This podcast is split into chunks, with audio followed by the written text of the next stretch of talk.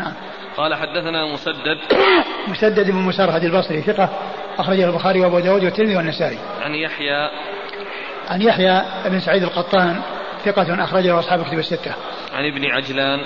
عن ابن عجلان محمد بن عجلان المدني صدوق أخرجه البخاري تعليقا ومسلم وأصحاب السنن. عن سمي. عن سمي مولى أبي بكر بن عبد الرحمن بن الحارث بن هشام وهو ثقة أخرجه أصحاب كتب الستة.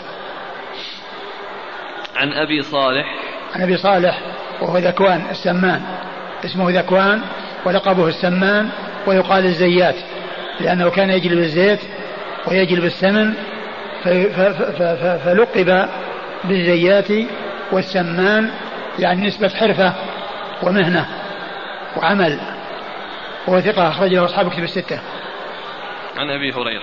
عن أبي هريرة عبد الرحمن بن صخر الدوسي رضي الله عنه وقد مر ذكره. يقولون أن الذي يعطس عند ذكره لشيء فهذا يدل على صدقه. والله هذا من الأمور التي آه، تتوقف على النص يعني آه، آه، ما نعلم شيء يدل على هذا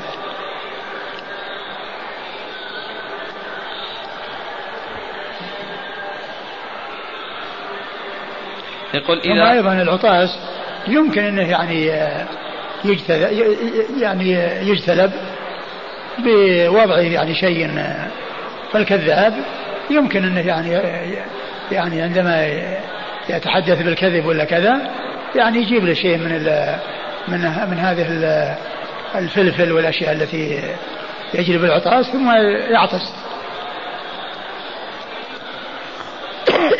إذا كان إذا كان الناس أخذوا بهذا بهذا الكلام الذي ليس له أساس يعني معنى ذلك إنه يمكن انسان اجتلاب العطاس.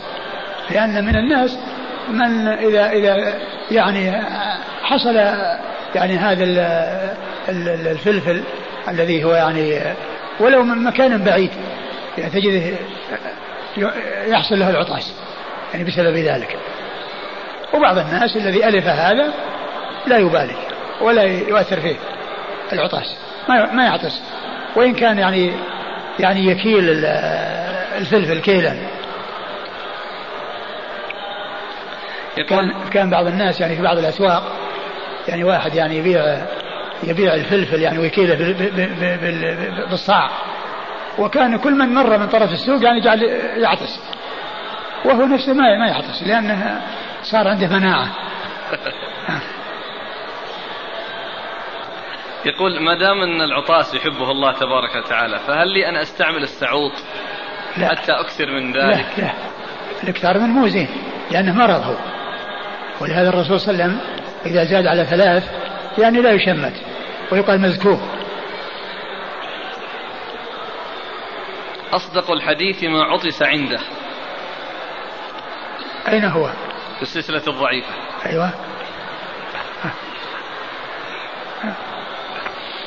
أقول أقول مثل هذه الأشياء يعني يعني الضعيف والموضوع يأتي من مثل مثل هذا القبيل ومثل هذه الأشياء التي الناس يعني يجيبونها عند يعني يكون الإذن تطن يحصل طنين الإذن أو يحصل يعني يعني عطاس عند الكلام وهكذا.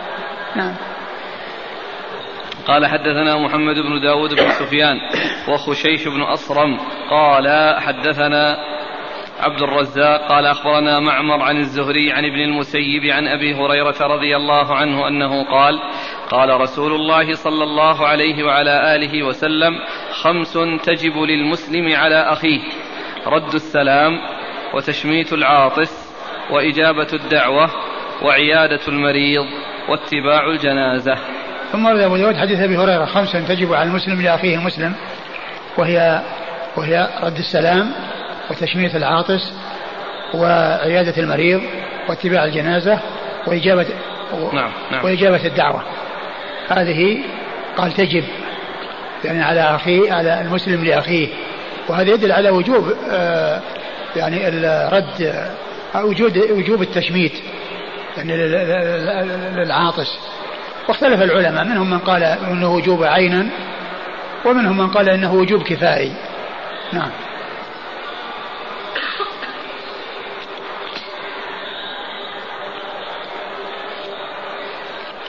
وهنا الوجوب الحديث.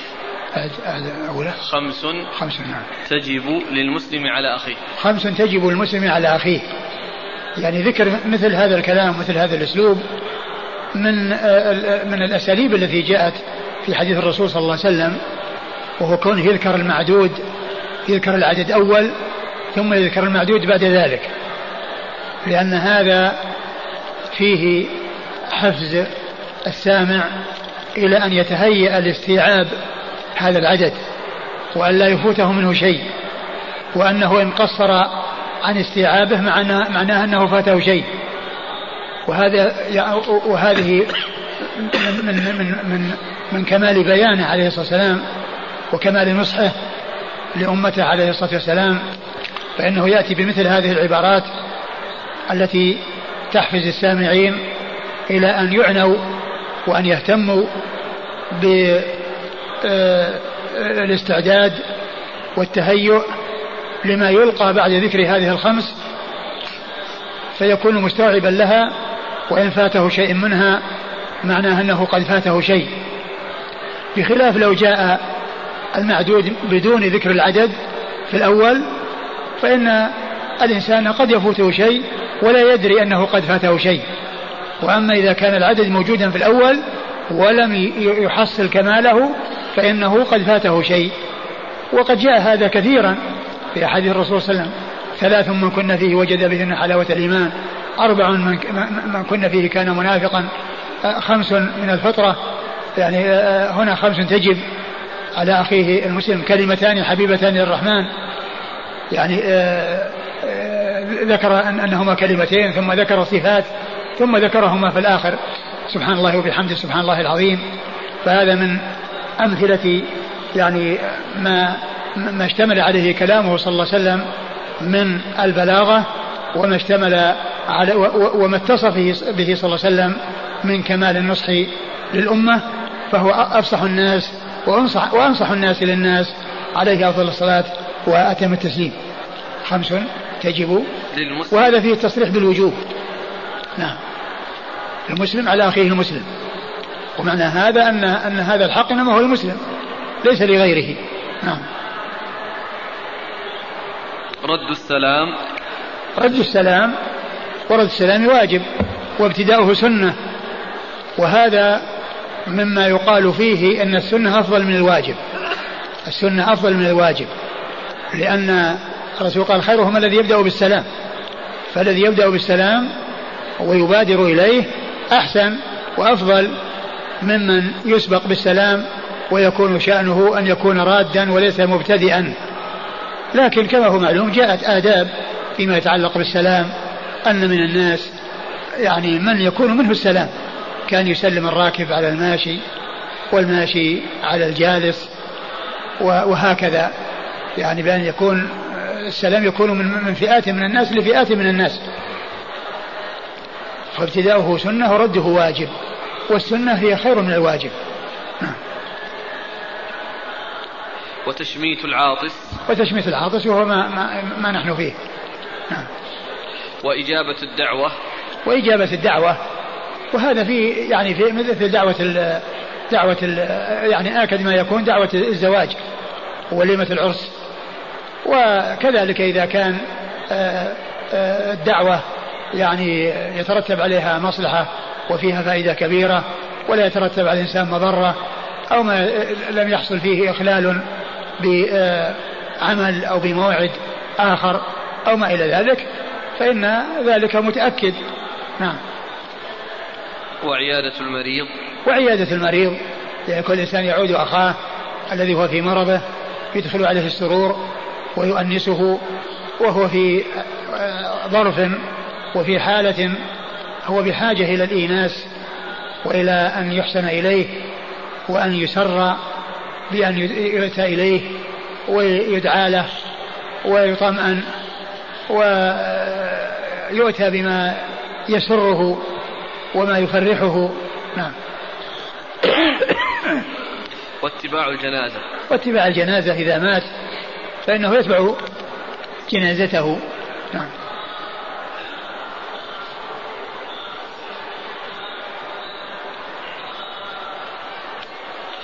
قال حدثنا محمد بن داود بن سفيان. محمد بن داود بن سفيان مقبول أخرج له أبو داود.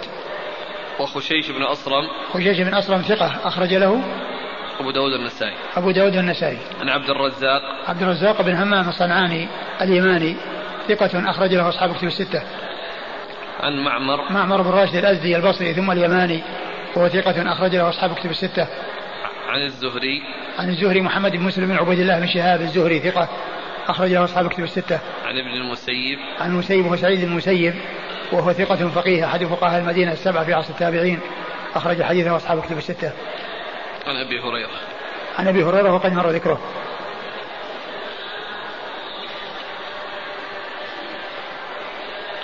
ما هو الراجح في تشميت العاطس؟ الوجوب أو الوا... على الكفاية. واجب. واجب نعم. فرض عين على كل شخص؟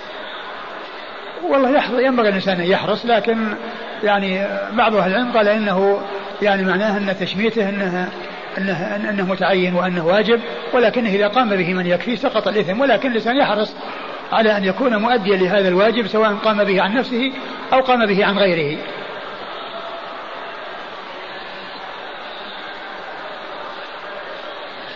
الحديث فيه فحق على كل من سمعه أن يشمته. الحديث آخر فإثباته حق على كل من سمع. ألا يدل على الوجوب العيني؟ يدل على الوجوب لكن لكن كما هو معلوم الوجوب العيني الوجوب الكفائي هو واجب على الجميع في الأصل. ولكن الإثم يعني سقط عنهم بحصول آه، قيام البعض به. وإلا الوجوب ما هو واجبا على يعني آه، شخص معين مبهم وإنما هو واجب على الجميع. ولكنه إذا قام به يكفي سقط الإثم على الباقين.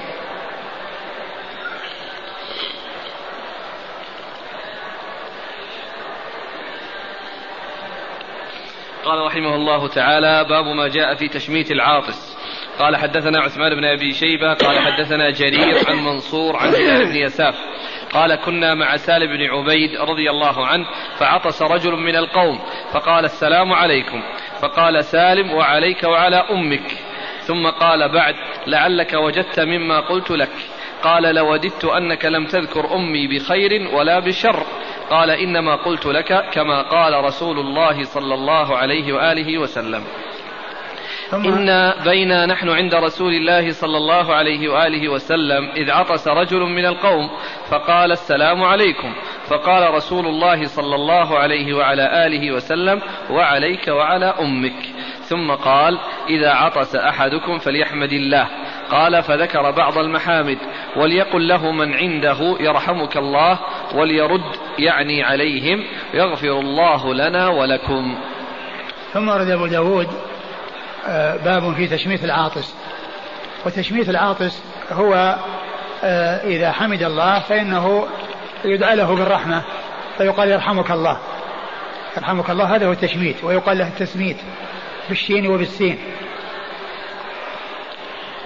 والتشميت إنما يكون لمن لمن حمد ليس لكل عاطس. وإنما يكون لمن عطس وحمد. كما آه، حصل له الحمد بعد العطاس. فإنه يشمت بأن يدعى له بالرحمة. ويجيب الذي دعي له بالرحمة. وقد حمد الله في الأول بقوله يهديكم الله ويصلح بالكم. كما جاءت في ذلك السنة عن رسول الله صلى الله عليه وسلم. وفي هذا الحديث أنه قال يغفر الله لنا ولكم ولكن الحديث ضعيف يعني في إسناده من هو يعني متكلم فيه. ثم ما جاء في الحديث من ذكر السلام عليك أو السلام عليكم يعني يحتمل أن يكون الإنسان قالها يعني إما سبق لسان وإما أنه ظن أن هذا يعني يقال في هذا الموطن. ولكن الحديث غير صحيح. لأن في إسناده من هو متكلم فيه ولكن السنة ثبتت في أن العاطس يحمد الله وأن سامعه يشمته فيقول يرحمك الله وأنه هو نفسه أي العاطس يجيب من شمته في قوله يهديكم الله ويصلح بالكم. هذا فيه يغفر الله. ها؟ يعني هذه الرواية ما ثبت يغفر الله لنا ولكم. ما أعرف أنها ثابتة. في هذا الحديث هذا غير ثابت. لكن الذي ثبت هو يهديكم الله ويصلح بالكم يهديكم الله ويصلح بالكم نعم. ما أدري. هذا الحديث هو غير ثابت. قال حدثنا عثمان بن أبي شيبة. عثمان بن أبي شيبة ثقة اخرج له أصحاب الكتب الستة إلا الترمذي وإلا النسائي فقد أخرج له في عمل اليوم والليله. عن جرير. عن جرير بن عبد الحميد الضبي الكوفي وهو ثقة أخرج له أصحاب الكتب الستة. عن منصور. عن منصور بن المعتمر وهو ثقة أخرج له أصحاب الكتب الستة. عن هلال بن يساف. عن هلال بن يساف وهو ثقة أخرجه البخاري تعليقا. نعم هو مسلم ومسلم وأصحاب السنن. عن سالم بن عبيد بن عبيد. عن سالم بن عبيد وهو صحابي أخرجه أصحاب السنن. صحابي أخرجه أصحاب السنن وفيه انقطاع بين هلال بن يساف وبين آه، سالم بن عبيد نعم قال حدثنا تميم بن المنتصر قال حدثنا إسحاق يعني ابن يوسف عن أبي بشر ورقاء عن منصور عن هلال بن يساف عن خالد بن عرفجة عن سالم بن عبيد الأشجعي رضي الله عنه بهذا الحديث عن النبي صلى الله عليه وآله وسلم. ثم ورد أبو داود الحديث حديث حديث الأول عن سالم بن عبيد الأشجعي. نعم كلها عن سالم. آه، أورد الحديث من طريق أخرى. وأحال على الطريق السابقة. وهذه الطريق تختلف عنها بأن بوجود واسطة بوجود واسطة. ثم أيضا قد يختلف يعني في يعني في في وجود الواسطة على عدة أوجه. والذي ذكره أبو داود هنا يعني تلك الواسطة مقبول. نعم. قال حدثنا تميم بن المنتصر. تميم المنتصر ثقة أخرج له. أبو داود والنسائي بن ماجه. أبو داود والنسائي بن ماجه. عن إسحاق يعني بن يوسف. عن إسحاق بن يوسف وهو المشهور بالأزرق. وهو ثقة أخرج له أصحاب الكتب الستة. عن أبي بشر ورقاء عن أبي بشر ورقاء وهو صدوق في حديثه عن منصور لين. صدوق في حديثه عن منصور لين. وهذا أيضا علة أخرى. لأنه هنا يروي عن منصور ابن معتمر. فهي علة غير علة الانقطاع.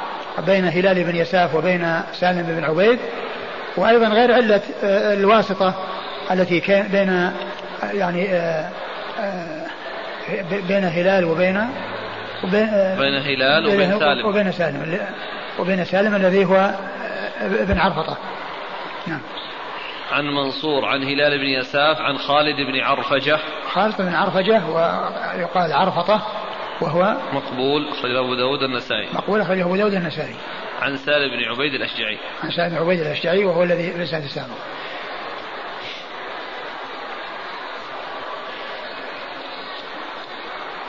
قال حدثنا موسى بن إسماعيل قال حدثنا عبد العزيز بن عبد الله بن أبي سلمة عن عبد الله بن دينار عن أبي صالح عن أبي هريرة رضي الله عنه عن النبي صلى الله عليه وعلى آله وسلم أنه قال إذا عطس أحدكم فليقل الحمد لله على كل حال وليقل أخوه أو صاحبه يرحمك الله ويقول هو يهديكم الله ويصلح بالكم.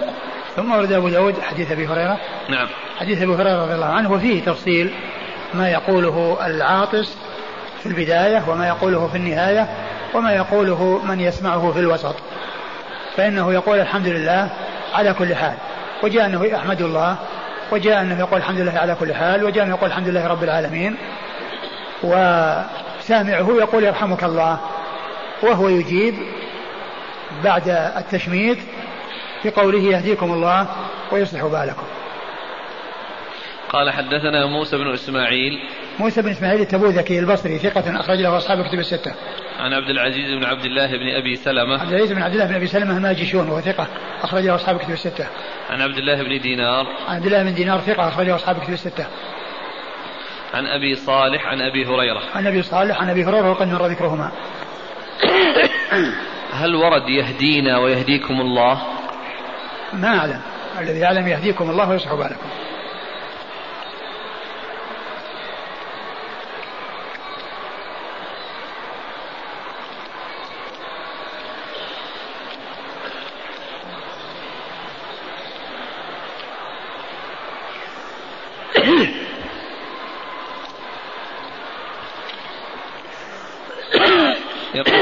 كيف يضعف الحديث وهلال يقول كنا مع سالم بن عبيد فهذا يدل أنه حضر القصة. هو يعني كما هو معلوم فيه أقول فيه انقطاع يعني بينه وبينه يمكن الذي قاله هو الذي ساقط. يقول الحمد لله على كل حال لا تقال إلا على شيء مكروه والعطاس يحبه الله. ما دام جاءت في ذلك السنة فيؤتى بما جاءت به السنة. ومعلوم أن ذلك مبالغة في الثناء على الله عز وجل وأنه محمود في جميع الأحوال. ولا يقال أنها خاصة بالمكروه بل تكون فيه وفي غيره لأنها تشمل المكروه وتشمل غير المكروه. يعني على كل حال لفظ عام. يشمل ما هو محمود وما هو مكروه.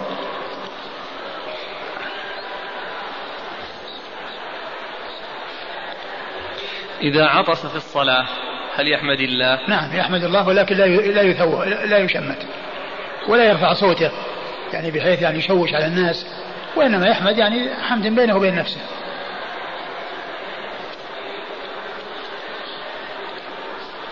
لعلنا هذا تنبيه.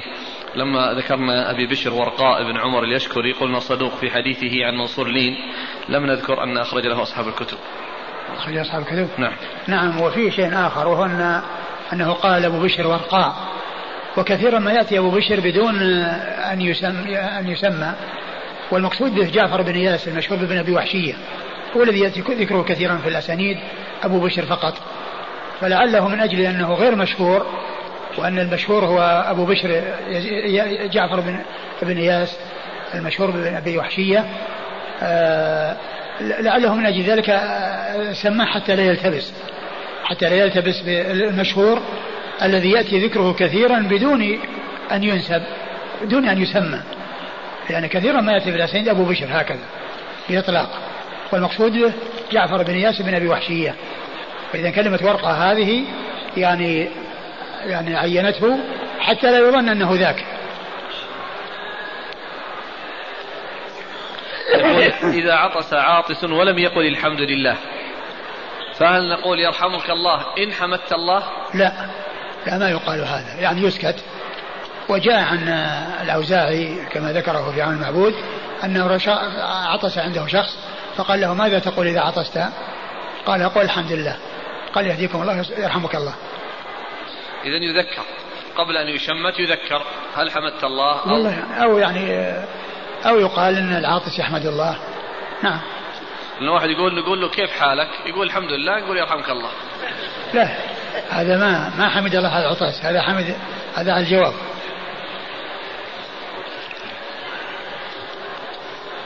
قال رحمه الله تعالى باب كم مرة يشمت العاطس لأن حتى لو قال كيف حالك بيقول طيب وبعدين ما حصل الشيء الذي يريد نعم قال حدثنا مسدد قال حدثنا يحيى عن ابن عجلان قال حدثني سعيد بن أبي سعيد عن أبي هريرة رضي الله عنه أنه قال شمت أخاك ثلاثا فما زاد فهو سكام ثم ورد أبو داود كم مرة يشمت العاطس؟ وقد المقصود أنه يشمت ثلاث مرات إذا عطس الأولى يشمت إذا عطس وحمد الله ثم إذا عطس الثانية وحمد الله يشمت ثم إذا عطس الثالثة وحمد يشمت فإن زاد على ذلك فإنه لا يشمت وإنما يقال أنت مزكوم أو زكام. ها. لكنه لا يزال يحمد الله كلما عطس وإن زاد على الثلاث ما ما نعلم أن شيء يمنع من هذا لكن التشميت ينتهي عند الثلاث. قال حدثنا مسدد عن يحيى. مسدد مر ذكره يحيى بن سعيد القطان مر ذكره أيضا. عن ابن عجلان عن سعيد بن أبي سعيد عن أبي هريرة. سعيد بن أبي سعيد هنا الابن يروي عن أبي هريرة لأن الأول هناك الأب يروي الأب الابن عن أبيه وهنا يروي الابن عن أبي هريرة مباشرة. كما ذكرت أبا هريرة يروي عنه أبو سعيد آه، المقبري ويروي عنه سعيد بن أبي سعيد المقبري. نعم. وهو ثقة أخرجه أصحاب في الستة. نعم.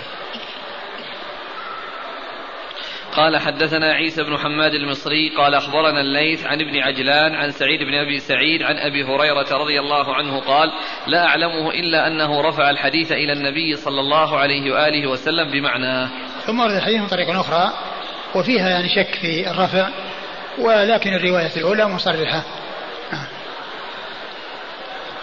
قال حدثنا عيسى بن حماد المصري عيسى بن حماد المصري هو ثقة أخرج حديثه مسلم وأبو داود والنسائي وابن ماجه. عن وهو, الذي وهو الذي يلقب زغبة نعم. آه، عن الليث. عن الليث بن سعد المصري ثقة أخرج له أصحاب كتب الستة. عن ابن عجلان عن سعيد بن أبي سعيد عن أبي هريرة. وقد مر ذكر الثلاثة.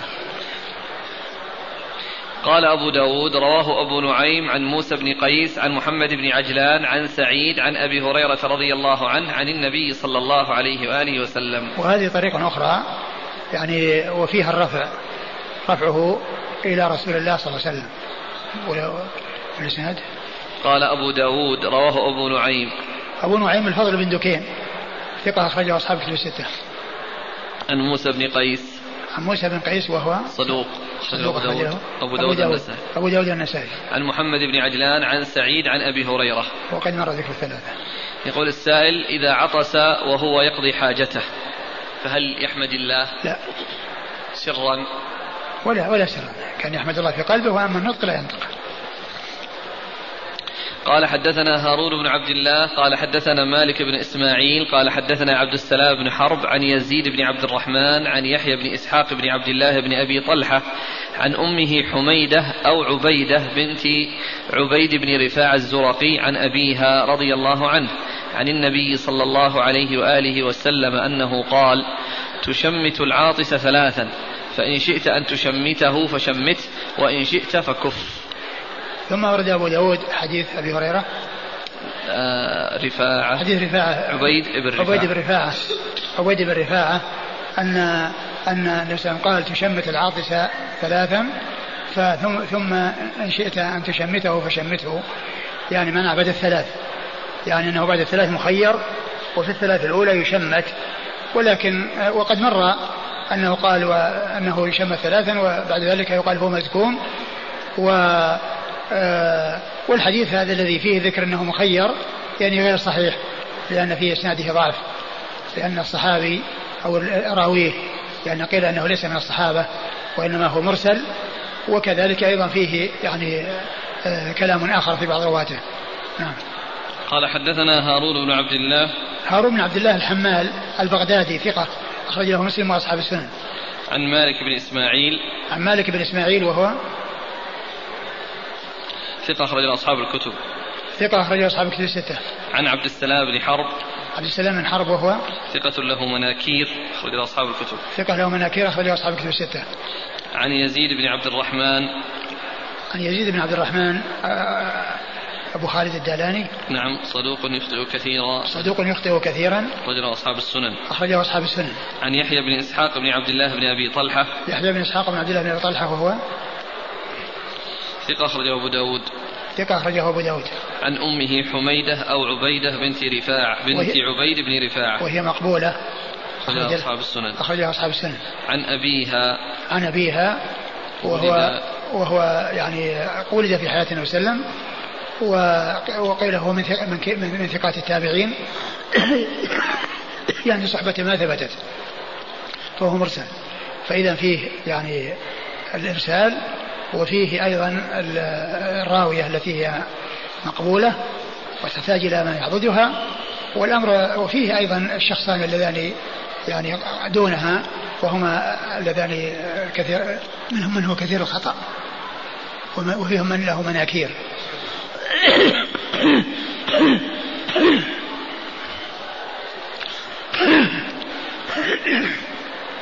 أخرج له البخاري في الأدب المفرد وأصحاب السنن. أخرجه البخاري في المفرد وأصحاب السنة. هل جاء أن بعد الثلاث في الرابعة يقال له شفاك الله أو لا بأس طهور إن شاء الله؟ والله ما أعلم. هناك من يكون عنده العطاس متتابع يعني عطستين مع بعض. ما دام متتابع يصير وحده ها. يعني يشمت بعدها مرة واحدة. إذا كان إذا عطس من كان مصليا فحمد الله فسمعه من لم يكن في صلاة. فهل يشمت؟ لا ليس له أن يشمت. المخ- المخاطب المصلي يعني لا يعني لا يعني يعني لا- يخاطب ولا يخاطب. اللهم إلا في السلام فإنه يسلم ويرد في الإشارة.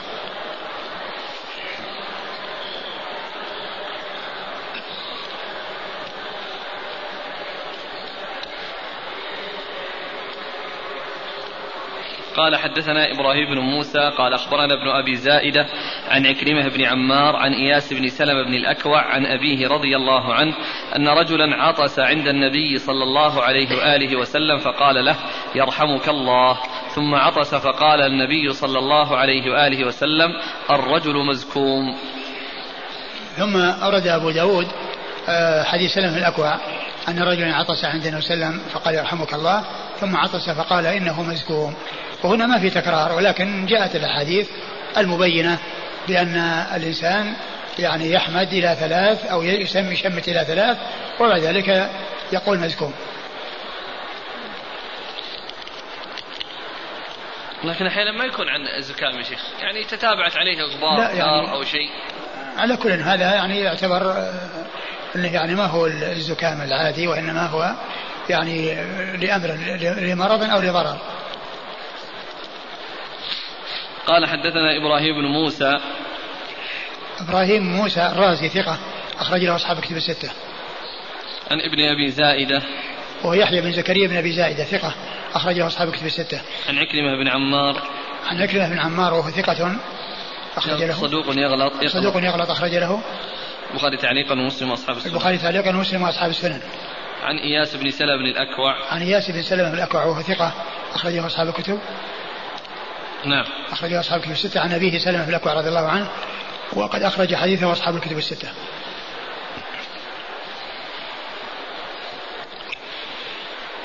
يقول إذا علمت أن الرجل مزكوم من أول مرة فهل شمت شمته إلى ثلاث ولو علمت أنه مزكوم قال رحمه الله تعالى باب كيف يشمت الذمي. قال حدثنا عثمان بن أبي شيبة قال حدثنا وكيع قال حدثنا سفيان عن حكيم بن الديلم عن أبي بردة عن أبيه رضي الله عنه أنه قال كانت اليهود تعاطس عند النبي صلى الله عليه وآله وسلم رجاء أن يقول لها يرحمكم الله فكان يقول يهديكم الله ويصلح بالكم ثم ورد أبو داود في تشبيث الذمي وهو أنه يشمت بأن يقال يهديكم الله ويصلح بالكم يهديكم الله ويصلح بالكم وهذا هو الذي يناسبه. وأما الرحمة فإنها تناسب المسلمين الذين هم أهل الرحمة. وأما أولئك فهم أهل العذاب والمستحقون للعذاب ولكن يدعى لهم بالهداية أن يهديهم الله. الكافر يدعى له بالهداية وأن الله يهديه للإسلام وأن يخرج من الظلمات إلى النور. فأورد أبو داود حديث أبي موسى الأشعري. أبي موسى الأشعري رضي الله عنه أن اليهود, أن, أن اليهود كانوا يتعاطسون يعني يتكلفون العطاس. يعني يتعاطسون يعني يتكلفون. رجاء أن يعني يدعو لهم بالرحمة. فالرسول صلى الله عليه وسلم كان يقول يهديكم الله ويصلح بالكم. قال حدثنا عثمان بن أبي شيبة عن وكيع عن سفيان عن حكيم بن الديلم. الثلاثة مرة ذكرهم وحكيم بن الديلم هو صدوق أخرجه البخاري المفرد وأبو داود والترمذي والنسائي. صدوق أخرجه البخاري المفرد وأبو داود والترمذي والنسائي. عن أبي بردة. عن أبي بردة بن أبي موسى الأشعري. وهو ثقة أخرج له أصحاب كتب الستة. عن أبيه أبو موسى الأشعري رضي الله عنه عبد الله بن قيس صحابي جليل أخرج له أصحاب كتب الستة.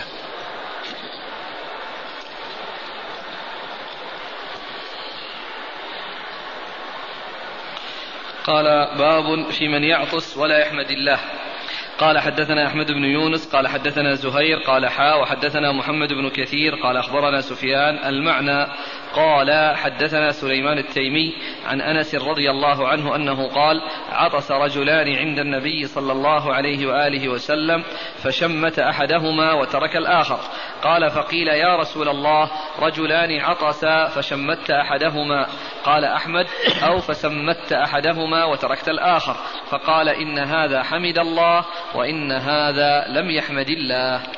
ثم ورد أبو داود هذا الترجم باب في العاطس إذا لم يحمد الله. فالمقصود أنه لا يشمت لأن التشميت تابع للحمد ومبني على الحمد من العاطس. فإذا عطس استحق أن يشمت فإذا إذا حمد بعد عطاسه استحق أن يشمت. وإن لم يحمد فإنه لا يشمت. وقد أورد أبو داود حديث. حديث أنس. حديث أنس رضي الله عنه أن رجلين عطس عند رسول الله عليه الصلاة والسلام فشمت أحدهما وبعض رواة أحد الشيخين لأبي داود قال سمت بدل شمت لأن معناهما واحد. فقيل له رجلان عطس شمت أحدهما ولم تشمت الآخر فقال هذا حمد الله وهذا لم يحمد الله يعني هذا حمد الله فشمت وهذا لم يحمد الله فلم يشمت. فدل هذا على أن التشميت تابع للحمد. وأنه يأتي بعد حصوله وأنه لا يؤتى به بدونه. نعم. قال حدثنا أحمد بن يونس عن زهير قال حا وحدثنا محمد بن كثير. أحمد بن يونس مر ذكره وزهير مر ذكره ومحمد بن كثير العبدي ثقة أخرجه أصحاب كتب الستة. عن سفيان. عن سفيان هو الثوري مر ذكره. قال عن سليمان التيمي. سليمان هو بن طرخان التيمي ثقة أخرج له أصحاب الكتب الستة. عن أنس. عن أنس رضي الله عنه خادم رسول الله عليه الصلاة والسلام وأحد السبع المعروفين بكثرة الحديث عن النبي صلى الله عليه وسلم. الإسناد يعني آه، رباعي. آه، شو نعم. يعني أحمد بن يونس عن زهير. آه. والثاني محمد بن كثير عن سفيان. ثم يلتقيان عن سليمان التيمي عن أنس. لا هو الطريق الأول الطريق الأول خماسي والطريق الثاني آه لا يا شيخ لا أحمد بن يونس يروي عن زهير. والثاني محمد بن كثير يروي عن سفيان. ثم بعد ذلك عن سليمان التيمي عن أنس. تحويل بعد بعد إيش؟ بعد زهير. بعد زهير؟ وبعد سفيان. نعم طيب. هو هو هو رباعي أبواب النوم. والله تعالى أعلم وصلى الله وسلم وبارك على نبينا ورسوله نبينا محمد وعلى آله وأصحابه أجمعين. جزاكم الله خيرا وبارك الله فيكم ونفعنا الله بما قلتم. يقول السائل إذا عطس الإنسان وكان لوحده هل يحمد الله؟ نعم يحمد الله. إذا عطس أحد بجواري وأنا أقرأ قرآن أو مشغول بالذكر هل أقطع وأشمته؟ نعم. لأن هذا شيء يعني طارئ ولا لا يمنع من من المواصلة. نعم. إذا كان العاطس بعيد لكنني أعلم أن من عادته أنه يحمد الله. هل أشمته وإن لم أسمع؟ لا. لا تشمته إلا إذا سمعته. لأنك تعلم من عادته وينسى.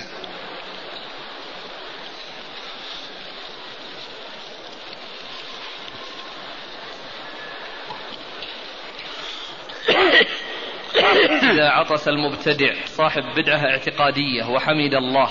هل يقال يرحمكم الله أو يهديكم الله يصلح بالكم؟ إذا كان بدعته مكفرة يدعى له كما يدعى الكفار.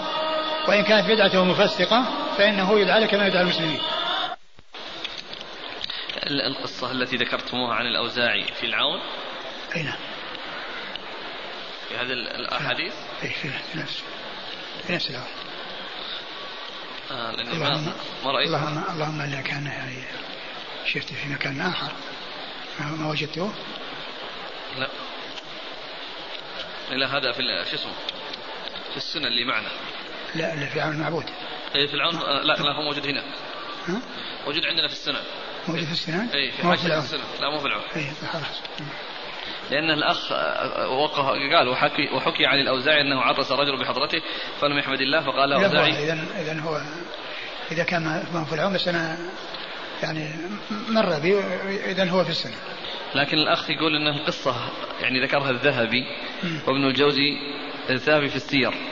وابن الجوزي في كتاب الأذكياء آه، ذكرها عن ابن المبارك. إيه. يمكن التعدد؟ يمكن. هل يجيب الرجل يشمت الرجل المرأة الأجنبية والعكس؟ ما ينبغي يعني ذلك مع الأجنبيات لأن هذا يؤدي أقول يؤدي إلى يعني التخاطب وإلى الكلام. والمرأة كما هو معلوم يعني عليها أنها ما ترفع صوتها إذا حمل إذا إذا عطست لأنه جاء يعني المرأة آه، تصفق إذا إذا انتاب الإمام يعني شيء في الصلاة حتى لا يظهر صوتها. فهي ليس لها أن تظهر صوتها وأن تحمد الله عند الرجال والرجال أيضا كذلك لا يجيبونها. وقد جاءت السنة أن الإمام إذا حصل يعني له خطأ أو شيء في صلاته فإنه يسبح الرجال تصفق النساء تصفق النساء والمقصود من ذلك أن لا يسمع صوتها ولا يظهر صوتها.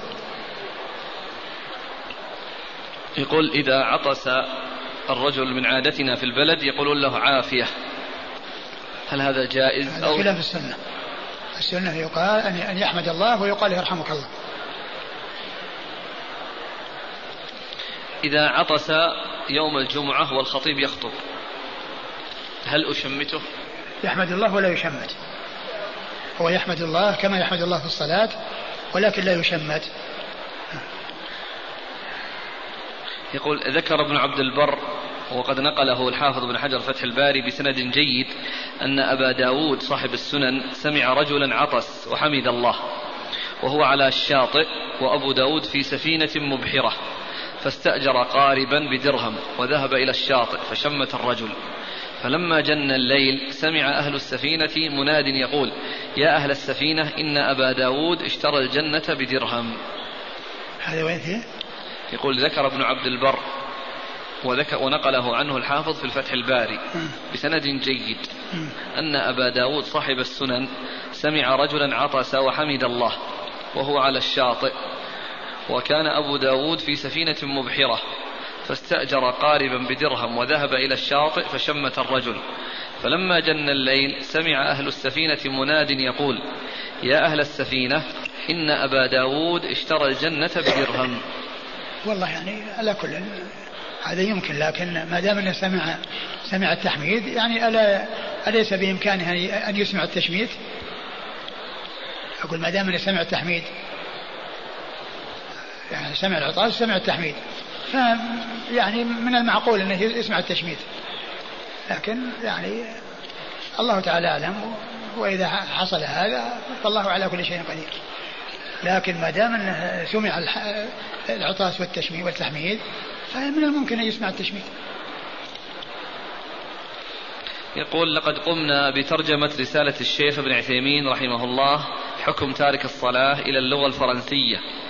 ولكن بعض الإخوة نصحونا بعدم توزيعها في فرنسا لأن ذلك يسبب فتنة لكثرة تارك الصلاة هناك ولأن الشيخ قد قرر فيها كفر تارك الصلاة. فماذا ترون؟ حفظكم الله. والله على كل الحكم, الحكم يبين و وحتى أيضا في نفس البلاد الإسلامية يعني أيضا الذين يتركون الصلاة كثير كثيرون الذين يتركون الصلاة كثيرون. إذا على هذا لا توزع أبدا ولا توجد.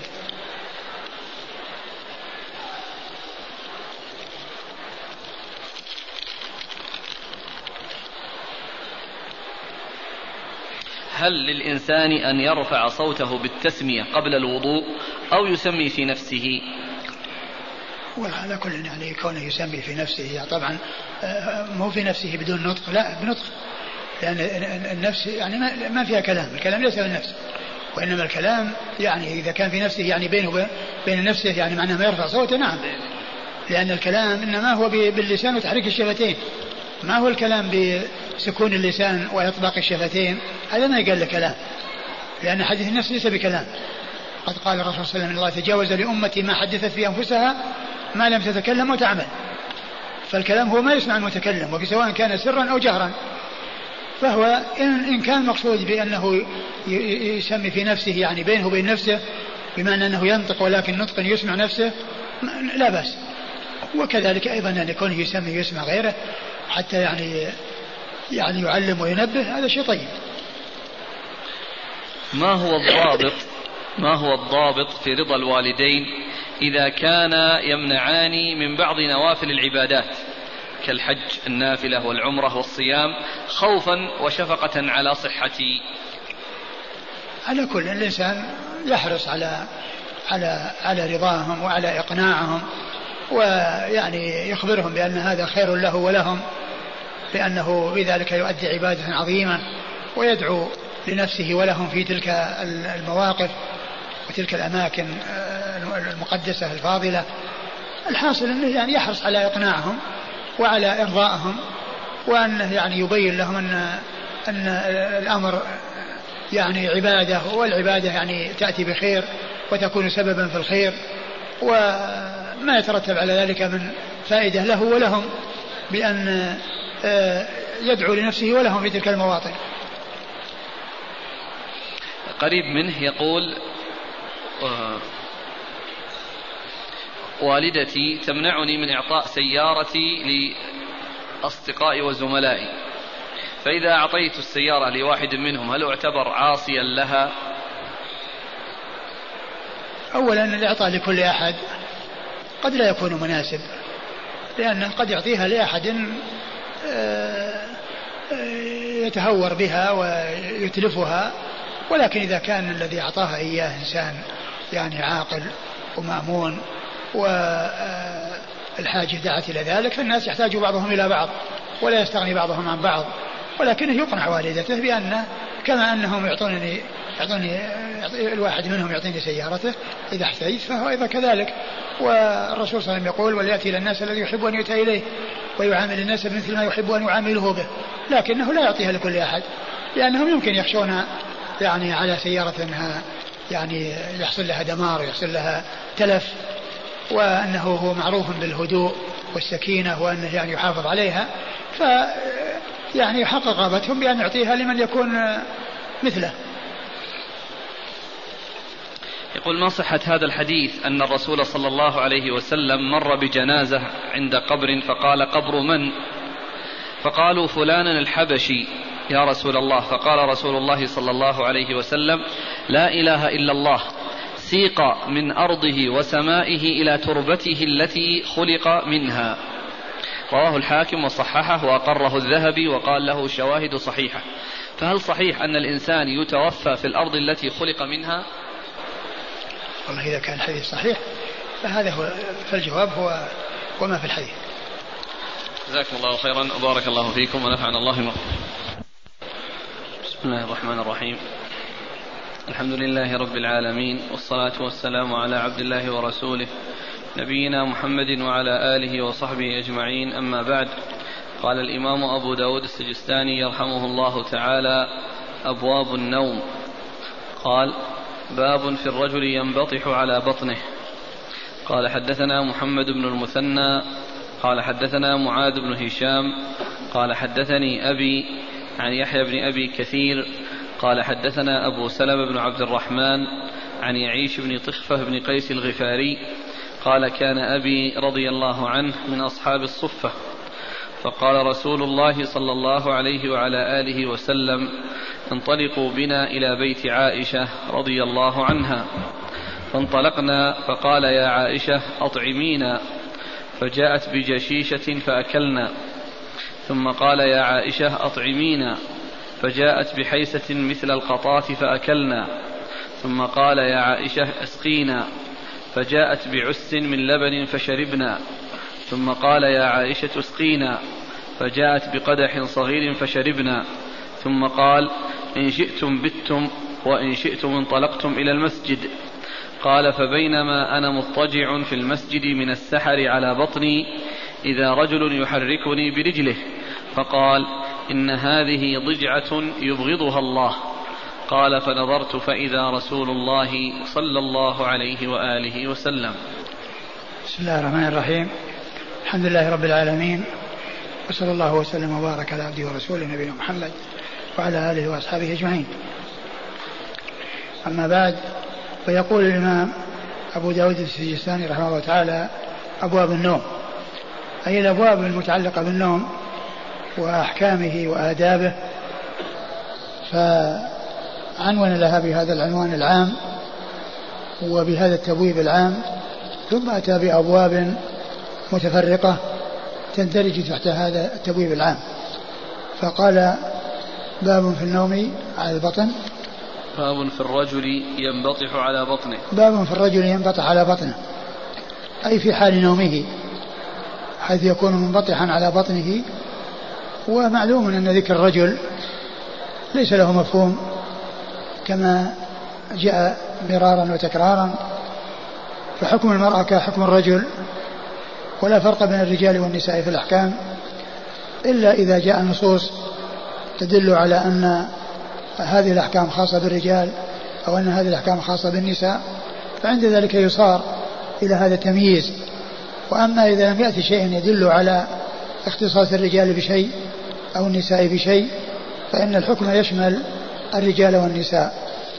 فذكر الرجل في هذه الترجمة لا مفهوم له بل النساء مثل الرجال في ذلك. قد أورد و وأورد أبو داود رحمه الله حديث يعيش بن طخفة الغفاري أن عن النبي عليه الصلاة والسلام أنه كان في أنه كان من أهل الصفة وأن النبي صلى الله عليه وسلم جاء إليهم وقال انطلقوا بنا إلى بيت عائشة فذهبوا إليها فقال يا عائشة أطعمينا فأتت فأطعمتهم آه، فأطعمتهم جشيشة. يعني والجشيشة هي البر الذي آه، لم يطحن يعني بحيث يكون دقيقا وإنما كان يعني قطعا كبيرة. يقال له يقال له الجشيشة. يعني قطع كبيرة يعني ليس يعني مطحونا مسحوقا بحيث يعمل منه أقراص أو يعمل منه يعني آآ آآ آآ شيء يعني يكون من الدقيق وإنما هو قطع لحب البر وكسر لم يحصل طحنه وإنما حصل تكسيره بحيث يعني كان يعني شيئا جليلا وليس دقيقا. ثم إنه طبخ وقدم وهو الذي يسمى في هذا الزمان الجريش. و فقدمته لهم ثم قال يا عائشة أطعمينا فأتتهم بحيسة مثل قطات يعني حيسة يعني قطعة من الحيس.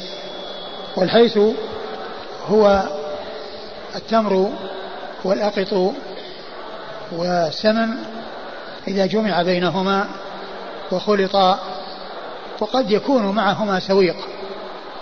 قد يكون معهما سويق لأنه يتكون من الأشياء الثلاثة بدون السويق وقد يضاف إليه سويق فتكون أجزاؤه أربعة.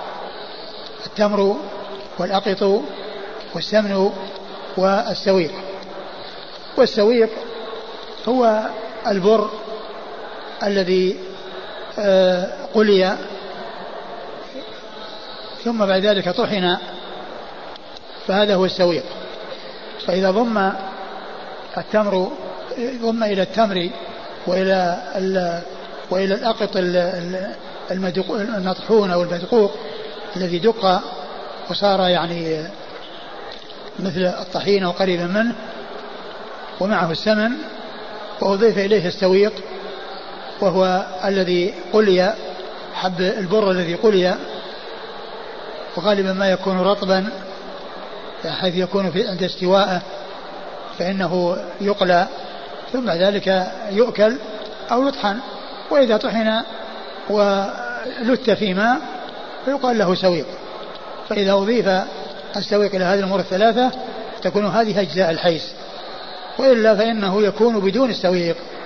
وفي القاموس قال إن السويق أن الحيس هو الذي جمع أو ألف من التمر والأقط والسمن ثم قال وربما أضيف إليه الدقيق. وربما أضيف إليه السويق. وربما أضيف إليه السويق.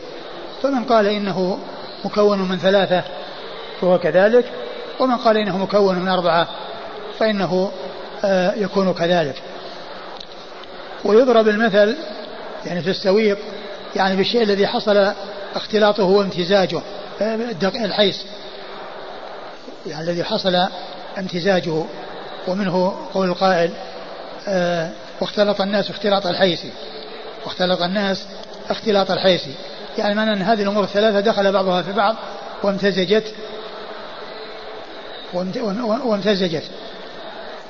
ومثل القطات والقضاء والقضاء طائر. يعني من من الطيور يشبه الحمام. ولكنه ليس من الحمام لأن الحمام يكون يأتي لل يعني لل للبساتين ويأتي للنخل. وأما القطاع فإنه يكون بعيدا يكون بعيدا ويكون في أماكن خالية.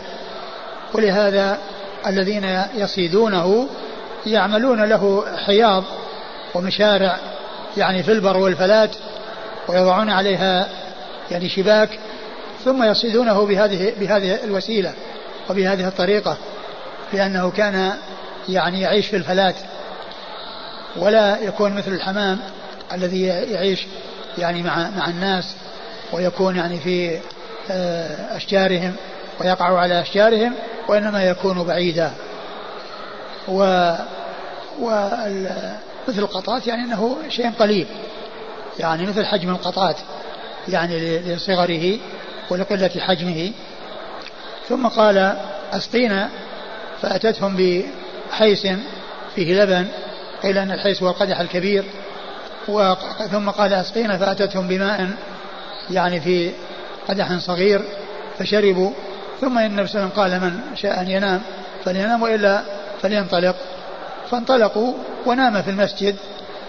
وقال إنه جاءه النبي صلى الله عليه وسلم وهو منبطح على بطنه من من من, من السحر فحركه برجله وقال لا يعني لا تضجع ضجعة الشيطان. ضجعة ضجعة المغضوب عليهم. ضجعة إنها إنها ضجعة يبغضها الله. إنها ضجعة يبغضها الله فنظرت فإذا هو رسول الله صلى الله عليه وسلم. والحديث أورده أبو داود من أجل هذه الجملة التي في آخره وهي الضجعة التي يبغضها الله. وقوله من السحر قيل أنه يعني معناه أنه من آخر الليل ويعني وقيل أنه من آه، من السحر آه، من آه، السحر الذي هو يعني ما يكون بين بين الرقبة وبين البطن والذي يقال له سحر.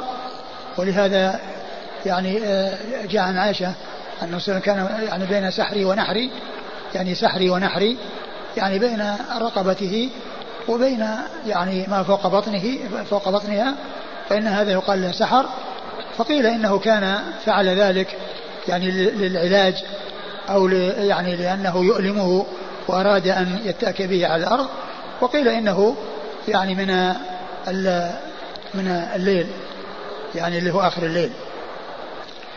والحديث يعني فيه يعني الاضطراب في اسم يعني يعيش بن طحفة أو قيس بن بن بن طحفة وجاء على عدة أوجه ولكن هذه الجملة الأخيرة جاءت عند ابن ماجه من طريق عن أبي ذر الغفاري رضي الله تعالى عنه فهي يعني ثابتة.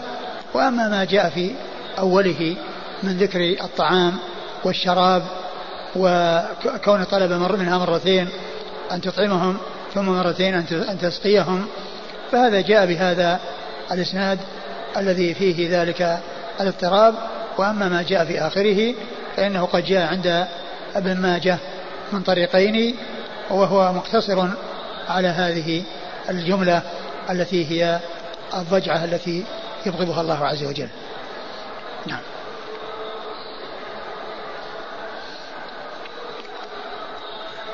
الإسناد؟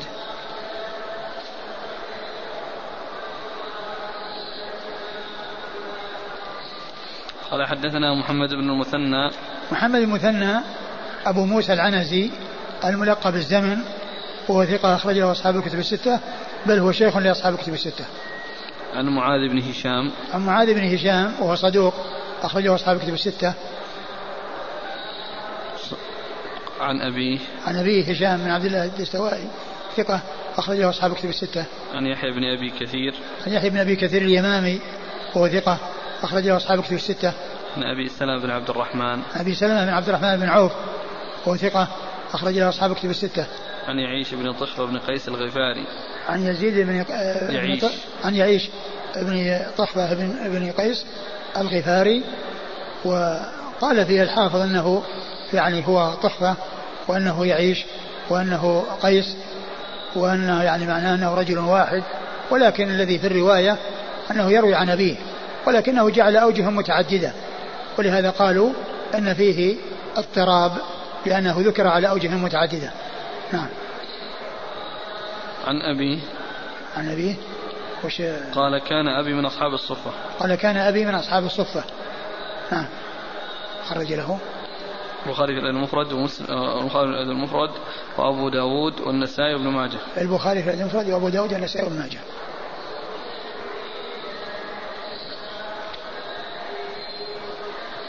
قوله في في الترجمة باب في الرجل ينبطح على بطنه.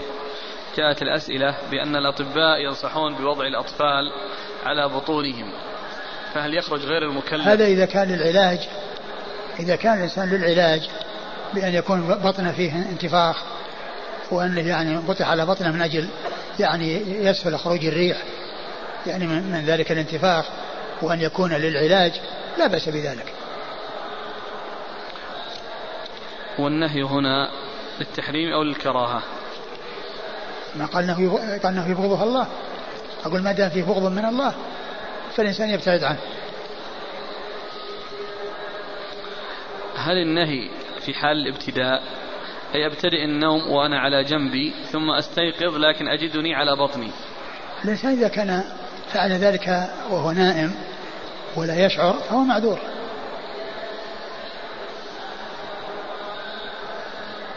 الانبطاح حال اليقظة فإننا نجد من ينبطح على بطنه ويقرأ كتابا فإذا أراد النوم اعتدل ونام على جنبه. يعني نفس نفس يعني هذه الهيئة أقول نفس هذه الهيئة هي التي نهى عنها رسول الله صلى الله عليه وسلم. يقول يتعسر علي النوم إلا على هذه الحالة. عود نفسك غير هذه الحالة.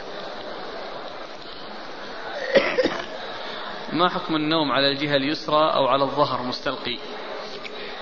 آه، الاستلقاء كما هو معلوم سبق أن مر بنا عدة أحاديث. أنه صلى الله عليه وسلم كان ينام مستلقيا ويضع إحدى رجليه على الأخرى وفي بعضها النهي عن وضع إحدى رجليه على الأخرى وعرفنا ذلك فيما مضى وأن الجمع بينها أنه إذا كان يعني ليس عليه سراويل أو أنه يترتب على ذلك انكشاف العورة فهذا هو الذي يحمل عليه ما جاء من النهي. وإذا وما جاء من التجويز فيما إذا كان يؤمن فيه انكشاف العورة كأن يكون الإنسان لا يرفع رجليه أو رجله إحدى رجليه على ركبته ركبة ركبته منصوبة فيترتب على ذلك انكشاف العورة. بل تكون كل من الرجلين ممدودة ولكن وضعت الثانية على الأخرى فإن هذا لا يترتب عليه انكشاف عورة. وكذلك لو كان عليه سراويل ووضع نصب إحدى رجليه ووضع الثانية على ركبته فإنه لا يترتب على ذلك. وعلى هذا فما ما كان فيه يعني مظنة انكشاف العورة فإنه لا يفعل. وما كان فيه الاطمئنان إلى سلامة آه، ستر العورة وعدم انكشافها فإنه سائغ. وأما بالنسبة للنوم على الجنب فقد جاء ما يدل على أن الإنسان ينام على شقه الأيمن كما سيأتي في الأحاديث. وجاء ما يدل الجواز يعني التحول إلى الشق الثاني كما سبق أن مر بنا بالنسبة للرؤيا التي تحزن الإنسان فإنه من جملة الآداب التي فيها أنه يتحول إلى جنبه الآخر. يعني معناه إذا كان على اليمين يروح على الشمال وإذا كان على الشمال يروح على اليمين.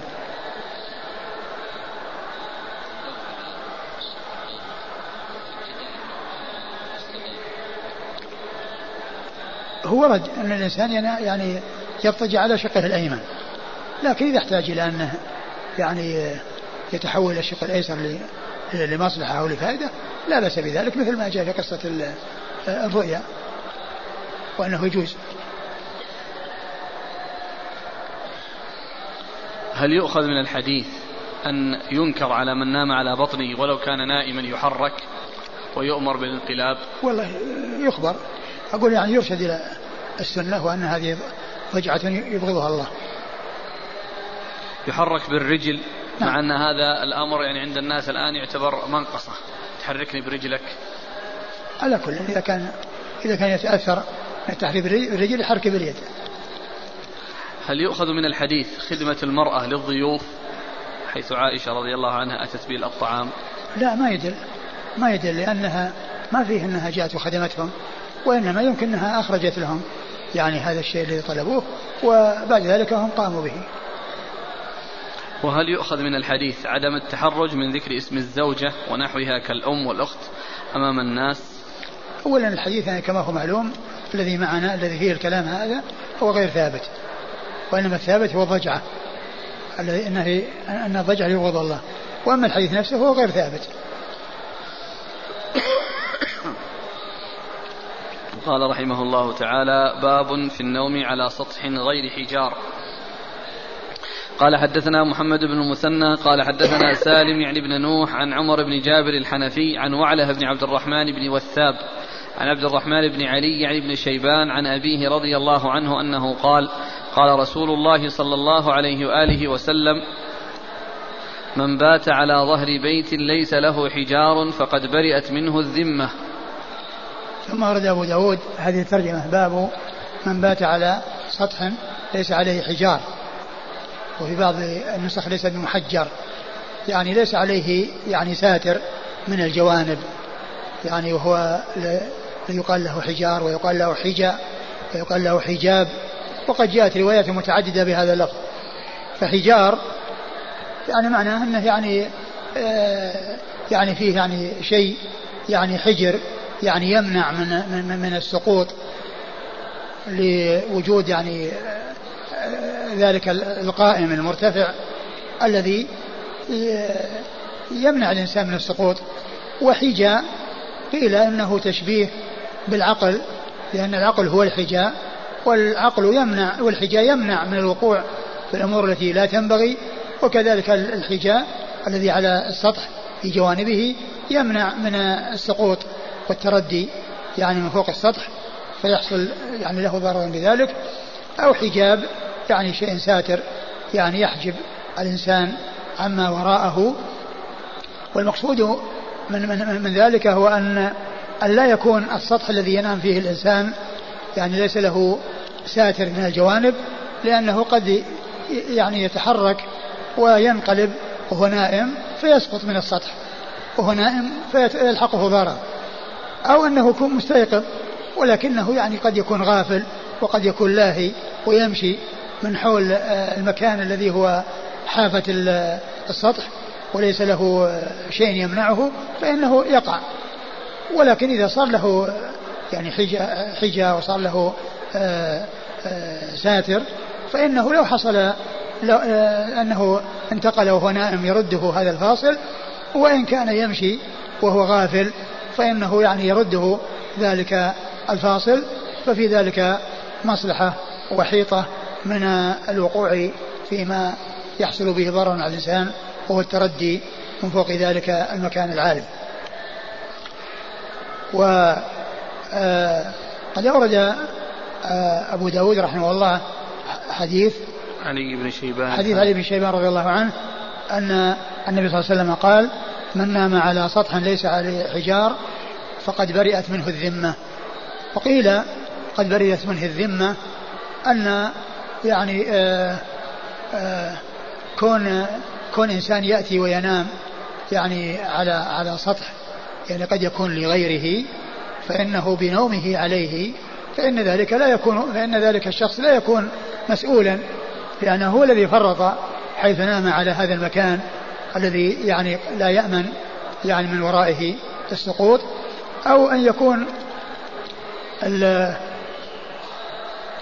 آه، أو المقصود أنه يعني آه، محفوظ بحفظ الله عز وجل وأنه يعني إذا لم يأخذ بالأسباب فإنه يكون بذلك فرط و يعني هيأ نفسه أو عرض نفسه لأن يحصل منه آه، الشيء الذي لا تحصل به السلامة والحفظ الذي آه، يحصل من الله بالأخذ بالأسباب ومن الأخذ بالأسباب عدم النوم على سطح ليس له جوانب آه، ليس له حواجز على جوانبه ساترة تمنعه من السقوط والتردي. نعم. قال حدثنا محمد بن المثنى محمد المثنى مر ذكره. عن سالم يعني بن نوح سالم بن نوح هو صدوق له أوهام. صدوق له أوهام أخرج له البخاري المفرد ومسلم وأبو داود والترمذي والنسائي. البخاري في المفرد ومسلم وأبو داود والترمذي والنسائي. عن عمر بن جابر الحنفي. عن عمر بن جابر الحنفي وهو مقبول أخرج له البخاري في المفرد وأبو داود. مقبول أخرج له البخاري في المفرد وأبو داود. عن وعلة بن عبد الرحمن بن وثاب. وعلى بن عبد الرحمن بن وثاب الحنفي وهو مقبول. أخرج له البخاري في المفرد وأبو داود. البخاري في المفرد وأبو داود. عن عبد الرحمن بن علي يعني بن شيبان. عن عبد الرحمن بن علي بن شيبان وهو ثقة أخرج له. البخاري في المفرد وأبو داود وابن ماجه. البخاري في المفرد وأبو داود وابن ماجه. عن أبيه عن أبيه. علي بن شيبان رضي الله عنه وهو صحابي أخرج له. المفرد وأبو داود وابن ماجه. البخاري في المفرد وأبو داود وابن ماجه. والحديث مقبولان ولكن له له يعني شواهد يعني آه، تشهد له. فيعني هو ثابت عن رسول الله صلى الله عليه وسلم. قال رحمه الله تعالى باب في النوم على طهارة. قال حدثنا موسى بن إسماعيل قال حدثنا حماد قال أخبرنا عاصم بن بهدلة عن شهر بن حوشب عن أبي ظبية عن معاذ بن جبل رضي الله عنه عن النبي صلى الله عليه وآله وسلم أنه قال ما من مسلم يبيت على ذكر طاهرا فيتعار من الليل. فيسأل الله خيرا من الدنيا والآخرة إلا أعطاه إياه. ثم ورد أبو داود باب في النوم على طهارة. يعني يكون الإنسان على وضوء عندما ينام وهي هيئة كاملة وهيئة يعني آه يعني مفضلة. كل إنسان يكون على طهارة. آه آه أورد أبو داود حديث معاذ بن جبل. معاذ بن جبل رضي الله عنه قال أن النبي صلى الله عليه وسلم قال من ما من مسلم يبيت على ذكر طاهرا فيتعار من الليل فيسأل الله خيرا من الدنيا والآخرة إلا أعطاه إياه. ما من مسلم يبيت على ذكر يعني أنه يذكر الله عز وجل عند النوم وعند البيات فيكون يكون طاهرا وهذا محل الشاهد يعني أنه على وضوء فيتعار من الليل يعني يستيقظ وينتبه من نومه ويسأل الله يعني من خير الدنيا والآخرة إلا أعطاه إياه.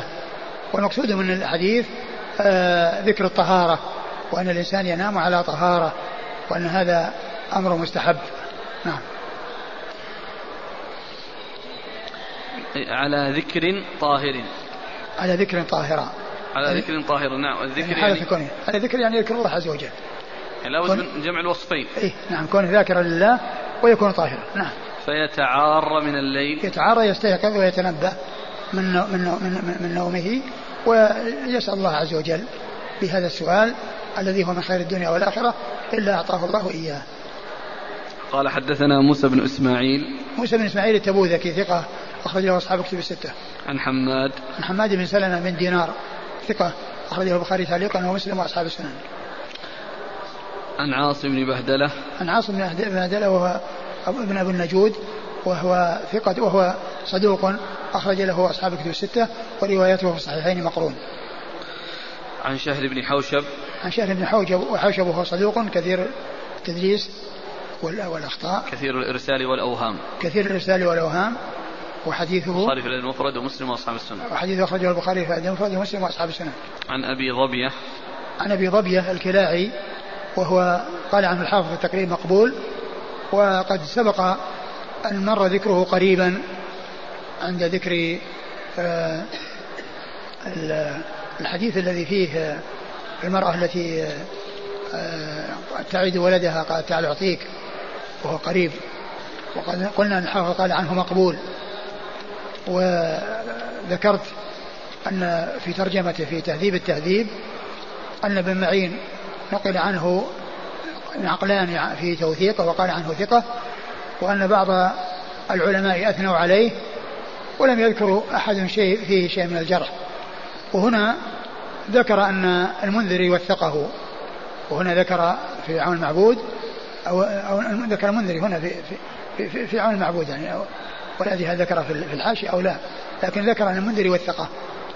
فالحاصل أن قول الحافظ فيه مقبول يعني ليس بمستقيم لأنه المقبول هو الذي لا يحتج بحديثه إلا إذا اعتضد وأنه لا يقبل حديثه بدون اعتضاد وهذا قد وثق ولم يقدح فيه أحد بقدح بل أثني عليه ثناء عظيم. نعم. أخرج له. هو نفسه أبو ظبية نعم. أبو ظبية مر في ذاك الحديث؟ نعم.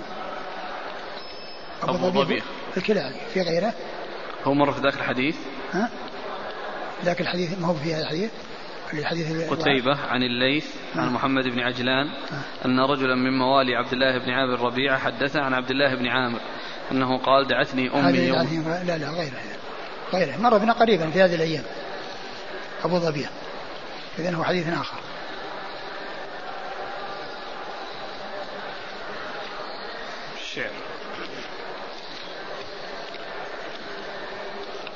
يعني في الأسبوع الماضي هذا يعني أو في أواخر. ما جاء في المتشدق في الكلام. المتشدق؟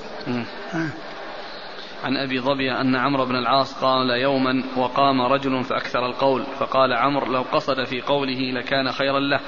سمعت رسول الله صلى الله عليه وسلم يقول لقد رأيت أو أمرت أن أتجوز في القول فإن الجواز هو خير. نعم. أبو ظبية قال عن الحافظ التقريب مقبول وفي تهذيب التهذيب. ما ذكر شيئا من النقول في توهينه وإنما ذكر توثيقه عن معين نقلين ونقلين عن بعض العلماء في يعني عظيم الثناء عليه. وهنا يعني ذكر أن المنذري وثقه.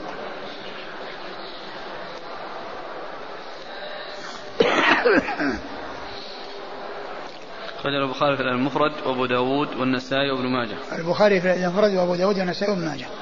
عن معاذ بن جبل. عن معاذ بن جبل رضي الله تعالى عنه هو صحابي أخرج له أصحاب كتب الستة. قال ثابت البناني قدم علينا أبو ظبية فحدثنا بهذا الحديث عن معاذ بن جبل رضي الله عنه عن النبي صلى الله عليه وآله وسلم.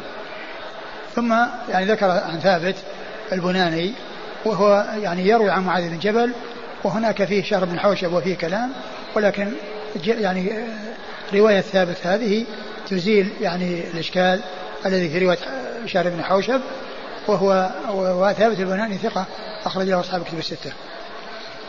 قال ثابت قال فلان لقد جهدت أن أقولها حين أنبعث فما قدرت عليها قال ثابت قال فلان يعني لم يسمه وكأنه ما سماه لأنه يعني وصف ليس بمحمود. يعني كونه يعني آه قال هذه المقالة. ولعل المقصود من ذلك أنه جهد يعني حرص على أن يقولها يعني عند النوم إذا قام ولكنه يعني ينسى أو يحصل له نسيان عند عند الاستيقاظ وأنه يذهل عن ذلك الشيء الذي كان عازما عليه من قبل نعم يعني هذه هذا الذكر الذي يقول يسأل الله شيء من الدنيا من الدنيا والآخرة لا أعطاه إياه.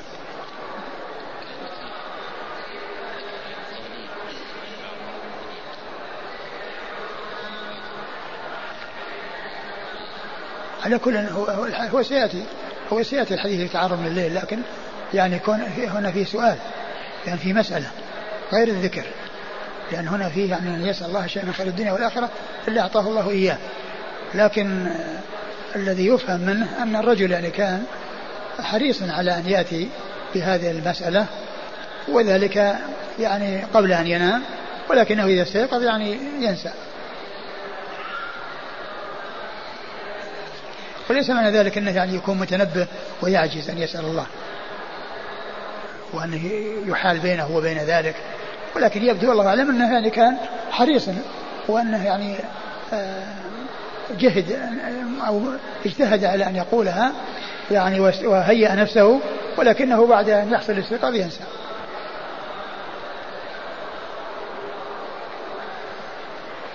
قال حدثنا عثمان بن أبي شيبة قال حدثنا وكيع عن سفيان عن سلمة بن كهيل عن كريب عن ابن عباس رضي الله عنهما أن رسول الله صلى الله عليه وآله وسلم قام من الليل فقضى حاجته فغسل وجهه ويديه ثم نام. قال أبو داود يعني بالا. ثم أورد أبو داود حديث ابن عباس أن النبي صلى الله عليه وسلم قام من الليل فقضى حاجته ثم غسل وجهه ويديه ثم ثم نام. وقال يعني بال يعني تفسيرا لقضاء حاجته. يعني قضى حاجته يعني بال و وهذا يعني آآ يعني النوم على طهارة يعني ذكر النوم على طهارة هو الحديث؟ نعم نعم. نعم. في النوم على طهارة ومعلوم أن النبي صلى الله عليه وسلم كان ينام على طهارة وهنا بعدما قام وبال يعني حصل منه غسل وجهه ويديه. غسل وجهه ويديه. ويكون في ذلك يعني معناه يعني شيء من الطهارة وشيء من النظافة.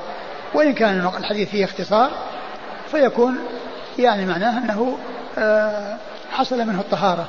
وإن لم يحصل منه معناه وجد منه الحد الأدنى الذي هو كونه يعني غسل وجهه ويديه. نعم. ليس العبرة بالابتداء. الإنسان يتوضأ وينام فإذا أحدث وهو في في فراشه يقوم يتوضأ مرة ثانية. آه، كونه يعني حصل إحداث وهو في منامه يعني خرج من ريح يعني يقوم ويتوضأ يعني الذي في الحديث أنه أنه بال وأنه قام وحصل منه قضاء الحاجة ونقض الوضوء يعني بهذا الفعل الذي حصل ولكنه وجد منه أنه استعمل الماء يعني في بعض الطهارة وليس بكاملها الذي هو غسل الوجه واليدين قال حدثنا عثمان بن أبي شيبة عثمان بن أبي شيبة ثقة. أخرجه البخاري أخرجه أصحاب الكتب الستة إلى الترمذي وإلا النسائي فقد أخرج له في عمل اليوم والليله. عن وكيع. وكيع بن الجراح الرؤاسي الكوفي ثقة أخرجه أصحاب الكتب الستة. عن سفيان. عن سفيان هو الثوري سفيان بن سعيد المسروق الثوري ثقة أخرجه أصحاب الكتب الستة. وإذا جاء وكيع يروي عن سفيان وسفيان غير منسوب فالمراد به الثوري. عن سلمة بن كهيل. سلمة بن كهيل ثقة أخرجه أصحاب الكتب الستة. عن كريب. عن كريب مولى بن عباس وهو ثقة أخرجه أصحاب الكتب الستة. عن ابن عباس عبد الله بن عباس بن عبد المطلب ابن عم النبي صلى الله عليه وسلم وأحد العباد الأربعة من الصحابة وأحد السبعة المعروفين بكثرة الحديث عن النبي صلى الله عليه وسلم. هل يس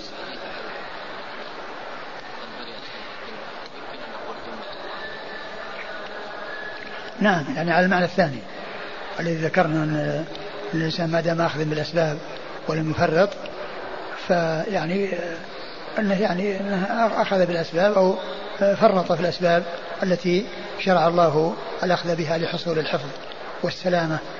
نعم. هل يستحب للحائض والجنب الوضوء أو التيمم قبل النوم؟ كما هو علوم الحائض أقول حائض يعني آآ آه، آآ يعني لا يحصل تحصل لها الطهارة مع وجود الحيض.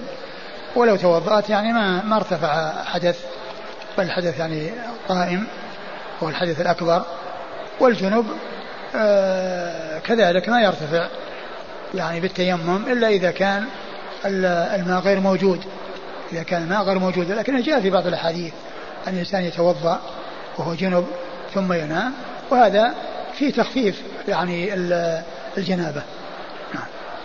وهل صح حديث عن فضل النوم على طهارة في أن الملائكة تستغفر له؟ لا أدري. وهل المراد بالنوم على طهارة نوم الليل أم كذلك يدخل فيه القيلولة نوم النهار؟ هو لا شك أنه إذا إذا كان ذلك في جميع الأحوال لا شك أنه أولى لكن الذي يظهر أن الغالب أن الأحكام التي تذكر أنها لنوم الليل لأن فيه ذكر البيتوتة. يعني يكون فيها ذكر البيتوتة والبيتوتة إنما تكون في الليل. لا تكون في النهار. يكون الطهارة؟ نعم. الطهارة تكون بس نوم الليل؟ فيكون يعني ذكر البيتوتة يدل على المقصود نوم الليل. ما هو الإنسان إذا أراد أن يغفي إغفاءه أو كذا ويتمدد يعني يروح يفعل ذلك. نعم. قد يسترخي الإنسان يعني استرخاء وإن لم يحصل منه نوم وقد ينعس. نعم. قال رحمه الله تعالى باب كيف يتوجه. قال حدثنا مسدد قال حدثنا حماد عن خالد الحذاء عن أبي قلابة عن بعض آل أم سلمة. كان فراش النبي صلى الله عليه وآله وسلم نحوا مما يوضع الإنسان في قبره وكان المسجد عند رأسه. ثم ورد باب أين يتوجه؟ يعني في نومه.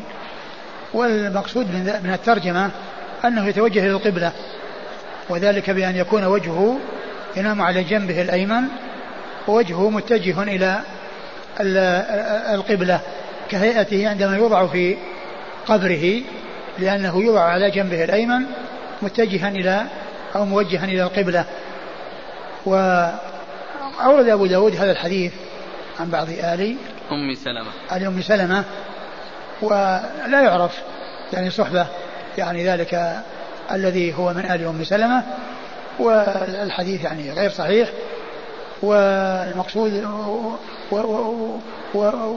وقد جاء فيه أن فراش النبي صلى الله عليه وسلم عندما ينام يكون رأسه إلى جهة المسجد رأسه إلى جهة المسجد على شقه الأيمن ومعنى ذلك أن أنه رجليه تكون إلى جهة آه، الجدار الخارجي الذي من جهة الشرق. ورأسه إلى جهة المسجد الذي هو من جهة غرب الحجرة لأن الحجرة في شرقي المسجد. يعني آه، ولها باب على المسجد وباب على الخارج. فهو عندما ينام آه، في حجرته يعني يكون رأسه آه، إلى جهة المسجد ورجليه إلى جهة الجدار الذي في المشرق وهو متجه إلى القبلة. وهذه هي الهيئة التي يكون الإنسان عليها عندما يوضع في قبره. حيث يوضع على جنبه موجها إلى القبلة على جنبه الأيمن موجها إلى القبلة.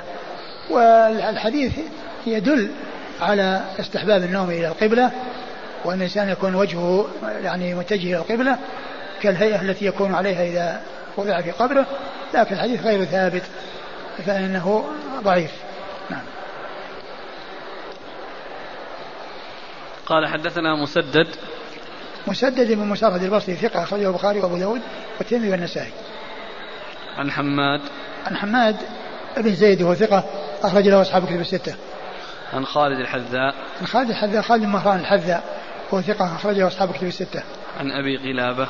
عن أبي قلابة عبد الله بن زيد الجرمي وهو ثقة عنده تدليس وإرسال وحديثه أخرجه أصحاب كتب الستة.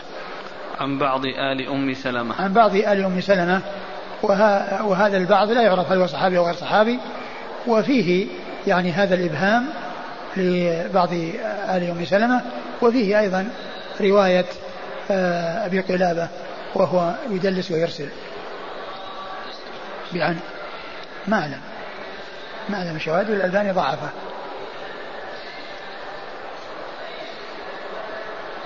السائل يقول هل ثبت في التوجه إلى القبلة عند النوم حديث صحيح؟ والله ما نعلم لا أدري. قال رحمه الله تعالى باب ما يقول عند النوم. قال حدثنا موسى بن إسماعيل قال حدثنا أبان قال حدثنا عاصم عن معبد بن خالد عن سواء عن حفصة زوج النبي صلى الله عليه وآله وسلم ورضي الله عنها أن رسول الله صلى الله عليه وآله وسلم كان إذا أراد أن يرقد وضع يده اليمنى تحت خده ثم يقول اللهم قني عذابك يوم تبعث عبادك ثلاث مرار. ثم ورد أبو داود ما يقوله عند النوم يعني الذكر الذي يقوله عند النوم. وقد أورد أبو داود جملة من الأحاديث في هذا الباب أولها حديث حفصة أم المؤمنين رضي الله تعالى عنها أن النبي صلى الله عليه وسلم كان إذا أراد أن يرقد وضع كفه اليمنى تحت خده وضع يده تحت خده الأيمن وقال اللهم إني اللهم قني عذابك يوم تبعث عبادك. قالها ثلاثا. والحديث صحح الباني بدون ذكر الثلاث وأنه يعني يقوله إنما يقوله مرة واحدة وليس فيه ذكر التكرار و وفيه أنه يعني ينام على شقه الأيمن وهنا ذكر ذكر خده خده الأيمن ولكن جاء التصريح بأنه يكون على شقه الأيمن لأن اليد يعني كما هو معلوم اليد قد تكون يكون على على على شقه الأيسر وتكون يده اليمنى تحت خده الأيسر وقد تكون اليسرى لكن كونه على خده الأيمن يعني معنى ذلك إن إن اليمنى تحت خده الأيمن وقد تكون اليسرى تأتي ولكن الأصل آه، هو ذكر اليمنى ولا بس يده, يده. وضع يده اليمنى. نعم يده اليمنى تحت خده. نعم. ما قال الأيمن؟ لا. نعم يعني معناه أن اليمنى هي التي أقرب شيء إلى الخد الأيمن وقد جاء ذلك تصريحا بانه يكون ينام على شقه الأيمن وأن يضع يده تحت خده. نعم. قال حدثنا موسى بن إسماعيل عن أبان. موسى بن إسماعيل مر ذكره أبان هو بن يزيد العطار هو أخرج له أصحاب الكتب الستة إلا ابن ماجه. عن عاصم عن معبد بن ذكر الحافظ بن حجر في ترجمته في مقدمة الفتح يعني أن أن الجرح أو أن الكلام إذا كان لم يثبت فإنه لا يعول عليه. وذلك بحسب الإسناد لأنه ذكر في ترجمة في مقدمة الفتح أن من العلماء من تكلم فيه ولكن هذا الكلام جاء بإسناد فيه من هو ضعيف. جاء بإسناد فيه ضعيف فقال لا يعول عليه لأن هذا الكلام ما ثبت لأنه إنما جاء ب آه، طريق ضعيف. نعم.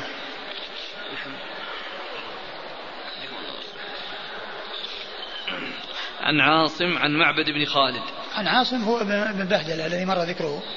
عن معبد بن خالد عن معبد بن خالد وهو؟ ثقة أخرجه أصحاب الكتب. ثقة أخرجه أصحاب الكتب الستة. عن سواء. عن سواء وهو مقبول. أخرج له أبو داود والنسائي. أبو داود والنسائي. عن حفصة. عن حفصة أم المؤمنين رضي الله عنها بنت عمر الخطاب.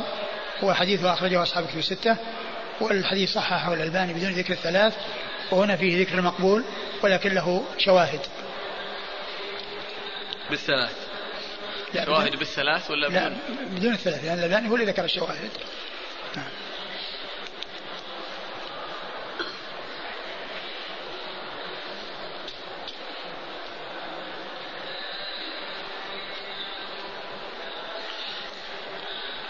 قال حدثنا مسدد قال حدثنا المعتمر قال سمعت منصورا يحدث عن سعد بن عبيدة. قال حدثني البراء بن عازب رضي الله عنهما أنه قال قال لي رسول الله صلى الله عليه وآله وسلم إذا أتيت مضجعك فتوضأ وضوءك للصلاة ثم اضطجع على شقك الأيمن وقل اللهم أسلمت وجهي إليك وفوضت أمري إليك وألجأت ظهري إليك رهبة ورغبه إليك لا ملجأ ولا منجى منك إلا إليك. آمنت بكتابك الذي أنزلت وبنبيك الذي أرسلت. قال فإن مت مت على الفطرة واجعلهن آخر ما تقول. قال البراء فقلت أستذكرهن. فقلت وبرسولك الذي أرسلت. قال لا وبنبيك الذي أرسلت. ثم ورد أبو داود حديث البراء بن عازب رضي الله تعالى عنهما أن النبي صلى الله عليه وسلم قال له إذا أويت إلى فراشك فاضطجع على شقك الأيمن. وهذا هو الدليل الواضح على أن الإنسان ينام على شقه الأيمن عند نومه وأن يكون على وضوء يتوضأ وضوءه للصلاة. يعني يتوضأ الوضوء الكامل الذي هو الوضوء للصلاة. ثم يقول آه اللهم أسلمت وجهي إليك وفوضت أمري إليك وألجأت ظهري إليك رغبة من رغبة رغبة ورهبة إليك لا ملجأ ولا من ولا ملجأ منك إلا إليك. آمنت بكتابك الذي أنزلت وبرسولك وبنبيك الذي أرسلت. ثم إن البراء قال يستذكرهن يعني أعاد هذا الكلام يعني والنبي صلى الله عليه وسلم يسمعه يعني يريد أن يتأكد من حفظه وأتى بقوله ورسولك الذي أرسلت. فقال النبي صلى الله عليه وسلم لا وبنبيك الذي أرسلت. وبنبيك الذي أرسلت. وقال إنك إذا مت مت على الفطرة واجعلهن آخر ما تقول واجعلهن آخر ما تقول أي أن هذا آخر ذكر يقال عند النوم. قوله في أول الحديث اللهم أسلمت وجهي إليك يعني استسلمت وانقدت لك فاستسلمت لأمرك ونهيك وانقدت لما جاء به شرعك ف أصدق الأخبار وأمتثل الأوامر وأجتنب النواهي وفوضت أمري إليك. يعني أن اعتمدت عليك وتوكلت عليك وألجأت ظهري إليك. يعني اعتمدت عليك واستندت إلى إليك وإلى وليس إلى غيرك. و آه، آه، رغبة ورهبة يعني إليك. يعني رغبة فيما عندك من الخير ورهبة فيما عندك من العقوبة. لا ملجأ ولا منجأ ولا منجأ منك إلا إليك لا مفر من الله إلا اليه وأن الإنسان آه، لا يسلم من آه، ما هو ضار آه، الذي هو هو من الله إلا بالتعويل على الله عز وجل الذي منه الضر والنفع والذي هو خالق كل شيء وبيده كل شيء سبحانه وتعالى. وهو نظير ما جاء في الحديث الذي فيه اللهم نعوذ برضاك من سخطك وبعفوك من عقوبتك وبك منك. لا أحصي ثناء عليك. أنت كما أثنيت على نفسك. ثم آآ آه، آه، آه، البراء رضي الله عنه قال يعني أنه يعني أتى بها يستذكرها يعني يريد أن يحفظها وأن يتأكد من حفظه لها والنبي صلى الله عليه وسلم يسمعه وكان أن عبر بقوله رسولك الذي أرسلت بل نبيك الذي أرسلت؟ قال لا بل نبيك الذي أرسلت. والمعنى واحد. ولكن قيل أو من أحسن ما قيل في معناه كما قال الحافظ بن حجر أن الألفاظ يعني يتمسك بها ولا يبدل كلام لفظ منها بآخر وإنما يعني يحافظ على ألفاظها ويتمسك بألفاظها ولا يعدل عنها إلى معاني أخرى. وإلا فإن إرسال النبي وإرسال الرسول جاء وكم أرسلنا من نبي في الأولين و وما أرسلنا من رسول إلا بلسان قومه وما أرسلنا من رسول إلا بلسان قومه. نعم. قال حدثنا مسدد عن المعتمر. المعتمر آه، ابن سليمان بن طرخان التيمي ثقة أخرج له أصحاب كتب الستة. عن منصور. عن منصور بن المعتمر وهو ثقة. أخرج له أصحاب كتب الستة. عن سعد بن عبيدة. عن سعد بن عبيدة ثقة أخرج له أصحاب كتب الستة. عن البراء بن عازب. عن البراء بن عازب رضي الله عنه وهو صحابي أخرج له أصحاب كتب الستة. يقول هل في هذا الحديث دليل على أن الأدعية والأذكار لا تؤتى بالمعاني فيؤتى بمعناها؟ هذا هو هو هذا الذي يدل عليه الحديث وإنما يحافظ على ألفاظها. يقول إذا أتيت مضجعك فتوضأ وضوءك للصلاة. هل أتوضأ وإن كنت أنا على طهارة قبل النوم؟ لا إذا كان على طهارة إذا كان على طهارة فلا يحتاج إلى وضوء لأن المقصود أن يكون على وضوء. قوله واجعلهن آخر ما تقول. لو حصل طارئ وتكلم الإنسان أو قام وعاد لفراشه هل يعيد هذا الذكر ليكون آخر القول أم لا؟ الذي يبدو أنه لا يعيده لأن الإنسان قد يتكرر منه ذلك ولكن المقصود منه أن ما يأتي به من أذكار عند النوم هذه تكون في الآخر. ما مناسبة ما مناسبة ما مناسبة أمر النبي صلى الله عليه وسلم بالوضوء عند النوم مع أن النوم ناقض للوضوء. يعني كل إنسان ينام على طهارة يعني ويدخل على طهارة لا شك أن هذا يعني صفة محمودة وإن كان النوم ينقض الوضوء لأنه ما معنى ذلك أنه سيستمر على طهارة ولكن كونه ينام وهو على هيئة حسنة وعلى هيئة طيبة هذا هو هو الذي